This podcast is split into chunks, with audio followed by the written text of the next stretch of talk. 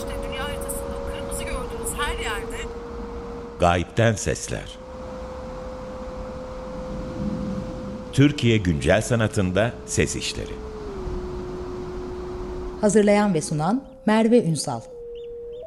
Gemi mendireğin kara tarafındaki durgun sulara yerlere kendini bıraktı. Merhaba, Gayipten Sesler'in 3. programına hoş geldiniz. Ben Merve Ünsal. Türkiye'de güncel sanat alanında üretilen ses işlerini duyulur kılmayı amaçlayan geçici bir platform olarak hayal ettim Gayipten Sesleri. Ve her programda bir sanatçıyı tek bir işiyle davet ediyorum. Bugünkü konuğum Bengü Karaduman. Bengü hoş geldin. Hoş bulduk. Bugün e, Bengü'nün 2021 yılında ürettiği Gölgenin Sesi iş üzerine konuşacağız. Ama bu işten bahsetmeden evvel belki Bengü biraz kendinden ve pratiğinden bahsedebilirsin. Dinleyicilerimize kendini tanıtabilirsin. Ee, evet, e, nereden başlayayım? Ee, yani farklı e, medyalarla çalışıyorum. E, hem eski hem yeni medyalarla. E, genel olarak e, iki boyutlu, üç boyutlu animasyon, video, e, desen, performans, ses bunlar e, teker teker ele aldığım da oluyor. Yani tek medya ile çalıştığım ya da e, bazen iki medya bir araya geliyor, üç medya bir araya geliyor, bir enstalasyona dönüşüyor. E, böyle farklı e, durumlar oluşuyor her seferinde yani çalıştığımda. E, konularım genelde e, aslında biraz e, temelinde, merkezinde insan var. Çoğu zaman kendim varım diye düşünüyorum. Ama e, paylaştığımız dünyada aynı yer olduğu için e, mutlaka bir başkası içinde oluyor gibi hissediyorum. E, ve merkezinde insan olmakla birlikte e, o insanın bulunduğu çevre yani bu çevreden bahsetti, e, bahsederken şunu kastediyorum. E, içinde bulunduğu ekonomik çevre, politik çevre, e, sosyal çevrenin yanı sıra e, bu e, bireysel ve toplumsal da diyebileceğimiz e, ilişkilerin birbiriyle e, yarattığı belki çatışmalar, belki e, olumlu taraflar. E, onun dışında e, bazen çok kişisel gibi gözüken bir iş aslında daha genel bir şeye e, işaret ediyor olabiliyor. E, biyografimle aslında biraz paralel de giden bir çalışma türüm var sanırım. Yani o anda beni ne meşgul ediyorsa ya da e, iç dünyamdan e, beni düşünmeye zorlayan ne varsa e, ona kulak vermeye çalışıp neden bunu düşünüyorum, ne oluyor? Yani bir tür tetkik etmeye çalışmak. Tetkik ederken de aslında işin süreci kendi kendine bir şekilde başlamış oluyor. Harika. Böyle anlayabilirim. Harika bir e, girizgah oldu. Bir taraftan da üzerine konuşmak istediğim bir sürü farklı temaya da değindin. E, özellikle de belki bu kişiselle ilgili, kişiselle daha kişisel olmayan ya da kişisel olmayabileceğini düşündüğümüz bir yerden de Gölgenin Sesi çok etkileyici bir iş. Belki Hı -hı. sadece performans kaydı olduğunu söyleyerek daha fazla ipucu vermeden e, bu işten bir kesit dinleyebiliriz. Ondan sonra da üzerine e, sohbet etmeye devam edebiliriz. Ee, ben tamam. o zaman şimdi 2021 yılında Bengü'nün e, Saha Stüdyo'da göstermiş olduğu ve aynı zamanda performansını gerçekleştirmiş olduğu e, Gölgenin Sesini dinleyelim.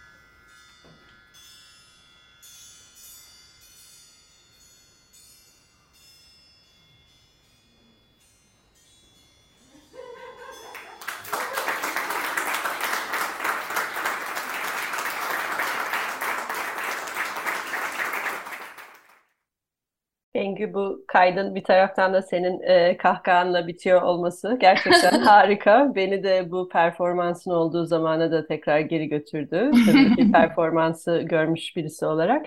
Belki bu e, gayipten seslerde aslında benim çok üzerine birlikte düşünmek istediğim konulardan biri de güncel sanat alanında e, ses işleri dediğimizde tabii ki nesne ve mekanla ilişkili bir şeyler de gündeme gelmeye başlıyor ve aslında burada hani sadece bir hani hoparlörden verilen bir ses ya da bir e, mekansal ses tecrübesinin de ötesinde sen enstrüman oluşturan da bir şey e, yaptın. Belki bu enstrümanların sürecinden ve enstrümanların mekanda nasıl yaşadığından ve performansa ve o ses vermeye yani Hı. müzik ya da daha başka bir şeye dönüşme halinden e, kısaca bahsedebilirsin dinleyicilerimize. Evet, e, yani işin başlangıcında aslında ses yoktu. Yani e, daha doğrusu işin kendisi de yoktu. Hani genel olarak öyle oluyor ya başlarken.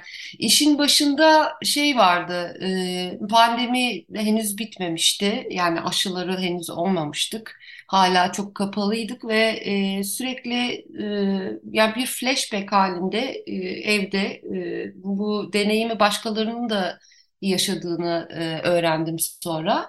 Yani aslında biraz fazla izole olmaktan e, kafanın içinde yaşamaya başlamak, orada konuşmaya başlamak. Ama işte görüntüler geliyor, e, anılar geliyor, işte zamanlar lineer değil, gelen anıların yani böyle garip bir e, durum yaşadım. Bu durumu da madem hani böyle bir şey var, bir hal var, bu halin üstüne nasıl gidebilirim? Bu flashbackler e, sonucunda anı parçaları olduğu için evde birçok e, kolim vardı. İşte taşınmadan taşınmaya bir türlü açamadığım o koliler vardır yani hep açılmadan tamam bu yine yeni eve geçsin şeklinde. E, en sonunda o kolileri açtım. İçlerinden çok fazla malzeme çıktı. İşte eski çocukluğumdan kalma VHS kayıtlar, işte defterler, andaçlar, işte hepimizde olduğu gibi konser biletleri, işte her e, şey parça beni bir yere götürdü. E, ondan sonra da e, aslında bir tür kazıya başlamış oldum. Onları tasniflemeye başladım. E, fotoğraflar e, ayrı, anılar ayrı, işte rüya defterlerindeki notlar ayrı. E, onları aslında şeyi fark ettim sonunda yani niye bunu yapıyorum? Hani e, niye bunlarla yüz yüze e, gelmeye çalışıyorum? Ya aslında hani belli bir zaman bu dünyada yaşamış oldum ve e, yani ben kimime geldi galiba eninde sonunda. Hani ben kim oldum ya da kimim değil de e, az çok onu artık biliyorsun bir yerden sonra ama hani ben kim oldum bu süreç içinde? Onu e, araştırırken e, tabii e, hatırlamak istemediğiniz şeylerle de karşılaşıyorsunuz. O da var. Yani sadece tatlı anılar değil, e, kötü anıların da olduğu, e, aslında seni sen yapan bir sürü e, yaşantı parçasını yüz yüze gelince e, bunun e, bir, bir miktarda travmatik olduğunu fark ettim. Ve o noktada şöyle bir seçenek vardı. Yani ya bu e, bu travmatik gelen taraf çok tatsız olduğu için e, bu işe devam etmemekti. Veyahut da madem öyle e, o zaman e, biraz da hodri meydan e, gibi düşünerek e, her şeyi derinlemesine düşünmeye, not almaya başladım. Bu not almanın sürecinde e, sonucunda veya devamında aslında e, bir psikanaliz yapmaya karar verdim. Çünkü yani malzemelerin ortaya çıkması bir şey, malzemelerle yüz yüze gelmek veya şapkayı önüne koymak bir şey. Ee, ama onu işlemek başka bir şey. Yani ortaya çıkardım ama şimdi bu kadar şeyle ne yapacağım yani? Bu nereye e, paketleyip kaldırabilecek bir hal de kalmamıştı o noktada. E, o zaman e, ortaya çıkarmak yetmiyorsa bunları işlemek belki iyi bir fikir olabilir diyerekten bir psikanalize başladım. Psikanaliz esnasında da tabii online olan o dönemde e, bir e, çalışmaydı e, ya da bir terapi süreciydi daha doğrusu. E, önümde de her zaman masanın üstünde kağıtlar duruyordu. E, terapistle konuşmalarım esnasında e, karalamalar e, yapıyordum. E, terapist de bana şeyi sordu hani ne yapıyorsunuz bir şey mi yapıyorsunuz aynı zamanda? Yo dedim yani karalıyorum. Hani telefonda da konuşurken dedim hani notlar alırsınız ya da hani karalama yaparsınız hiçbir anlamı olmayan e, yani e- el hareketi bir nevi.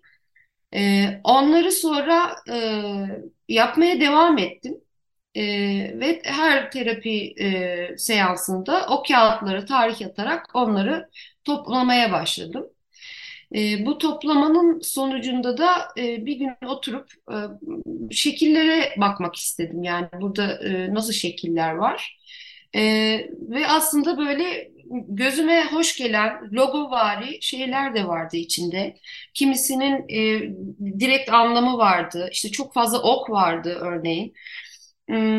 E, onları e, terapi sürecine de e, sürecinde de hani o anda konuştuğum şeyi de işaret eden e, bazı temel e, şekiller vardı. Hani o şekle baktığımda örneğin e, onun neyle ilgili olduğunu anlayabiliyorum.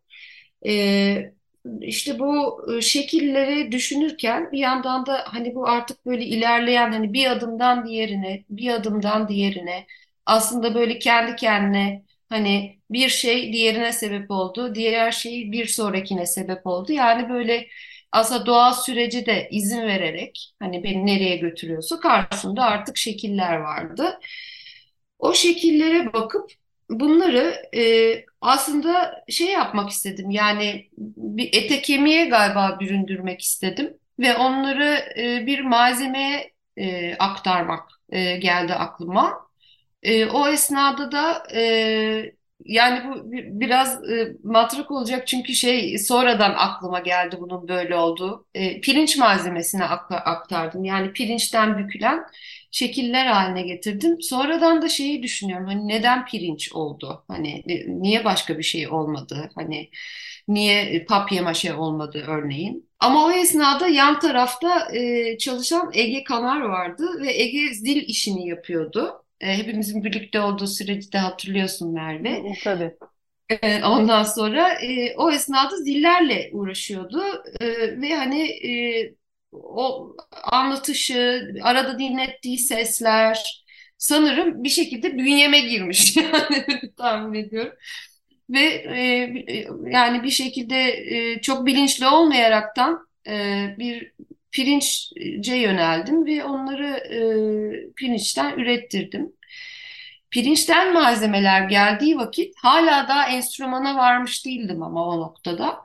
Pirinçten malzemeler geldiğinde bu, bunun aslında böyle bir rüzgar çalına da benzediğini, aslında bunların ses de çıkarabilecek olduğunu farkına vararak e, bir kompozisyon e, yarattım. Yani düzenledim şeyleri, şekilleri ve e, bir çubuğa astım yine pirinç bir çubuğa ve sonra artık bunun sesinin çıkabileceğini düşünerek e, sonraki adımda da evet e, yine böyle o adımı kendiliğinden takip ederek e, şekil forma bürünüyorsa ve pirinç oluyorsa ses çıkarabilir. Ses çıkarabiliyorsa ve bundan 14 parça varsa bu bir enstrüman olabilir. E bu bir enstrümansa o zaman çalabilirim gibi bir yol izlemiş oldum. E, bu enstrümanın e, enstrüm normal bir enstrümandan farkı da şu oldu. Yani e, beni heyecan, en çok heyecanlandıran şeyi söyleyerek e, birazcık e, mola vereceğim. Şey e, yani normalde bir oktavımız vardır, notalarımız vardır. 12 e, e, yani 14 parçadan oluşan bu şeyde de aslında bir notasal düzen yok. Dolayısıyla hangi formun hangi sesi çıkaracağını e, önceden bilmediğim için bu bir sürpriz olarak geldi. Yani enstrüman kendi sesini üretti aslında ya da şekiller kendi sesini üretmiş oldu. Bu en çok heyecanlandıran şey olmuştu beni bu süreçte. E, gerçekten aslında o e, bir de belki bu işin dönüştürücü süreçlerinden birinin dediğin gibi biz de açık atölyede birlikte e, yan yana da üretim yaptığımız bir dönemde hem orada evet. olarak bile bir yan yanalığın hani işleri tabii ki dönüştürmesi ama o kutularla aslında sen hakikaten 9 ay boyunca da o sürece atölye süreci boyunca da o kutularla yaşadın ve o kutuların içinden çıkanların sonra bu nesnelere dönüşme sürecinde de bence şimdi seni dinlerken de biraz daha aslında e, ilgimi çeken bir şey oldu. E, işlevselliği varmış defterin ve desenlerin aslında. Belki hani elini meşgul tutması ve bir şekilde hani konsantre olmanı ya da dinlemeni kolaylaştıran bir şey. Ama onları evet, sen yine böyle bir görsel bir nesneye dönüştürmek yerine işlevsel ve görsel. Tabii ki görsel nesnelerin de işlevleri var ama bir taraftan da hani çalınabilir olmak tabii ki onu inanılmaz derecede dönüştürüyor. Çok süremiz kalmadığı için sana kısaca şunu sormak istiyorum. O performans tabii ki e, senin için zor bir tecrübe olduğunu da tahmin ediyorum. Hele de bu kadar evet, kişisel bir malzeme ve bence pandemiden sonra yapı sen çünkü performansla senelerdir tabii ki çalışıyorsun ama pandemi sürecinden sonra izleyicilerin bir araya evet, gelmesi, senin onlarla olan bedensel olarak aynı mekanı paylaşman yani bence herkeste evet. bir pratik değişikliği oldu. Ee, onun için belki çok kısaca aslında bu performansın seni nasıl dönüştürdüğünü, çünkü zaten bir sürü dönüşüm sürecinden geçerek bu enstrüman oluşmuş, gölgenin sesi oluşmuş ama bir taraftan da o performansın da bu nesneleri nasıl dönüştürdüğünden belki kısaca bahsedebilirsin. Evet, yani e, gerçekten güzel bir soru. Ya zordu, evet. Şey, e, e, birincisi gerçekten de şey, yani sosyalleşmek e, zordu. Yani sanki sosyalleşme kasımızı yitirmiştik, e, yitirmiş olduğumuz bir zamanda ya da yeni yeni daha yeniden e, tanışıyorduk. Yani o kasla tekrar. E, o bir şey oldu, yani e, bir zorluk oldu ama hepimiz için oldu tahmin ediyorum.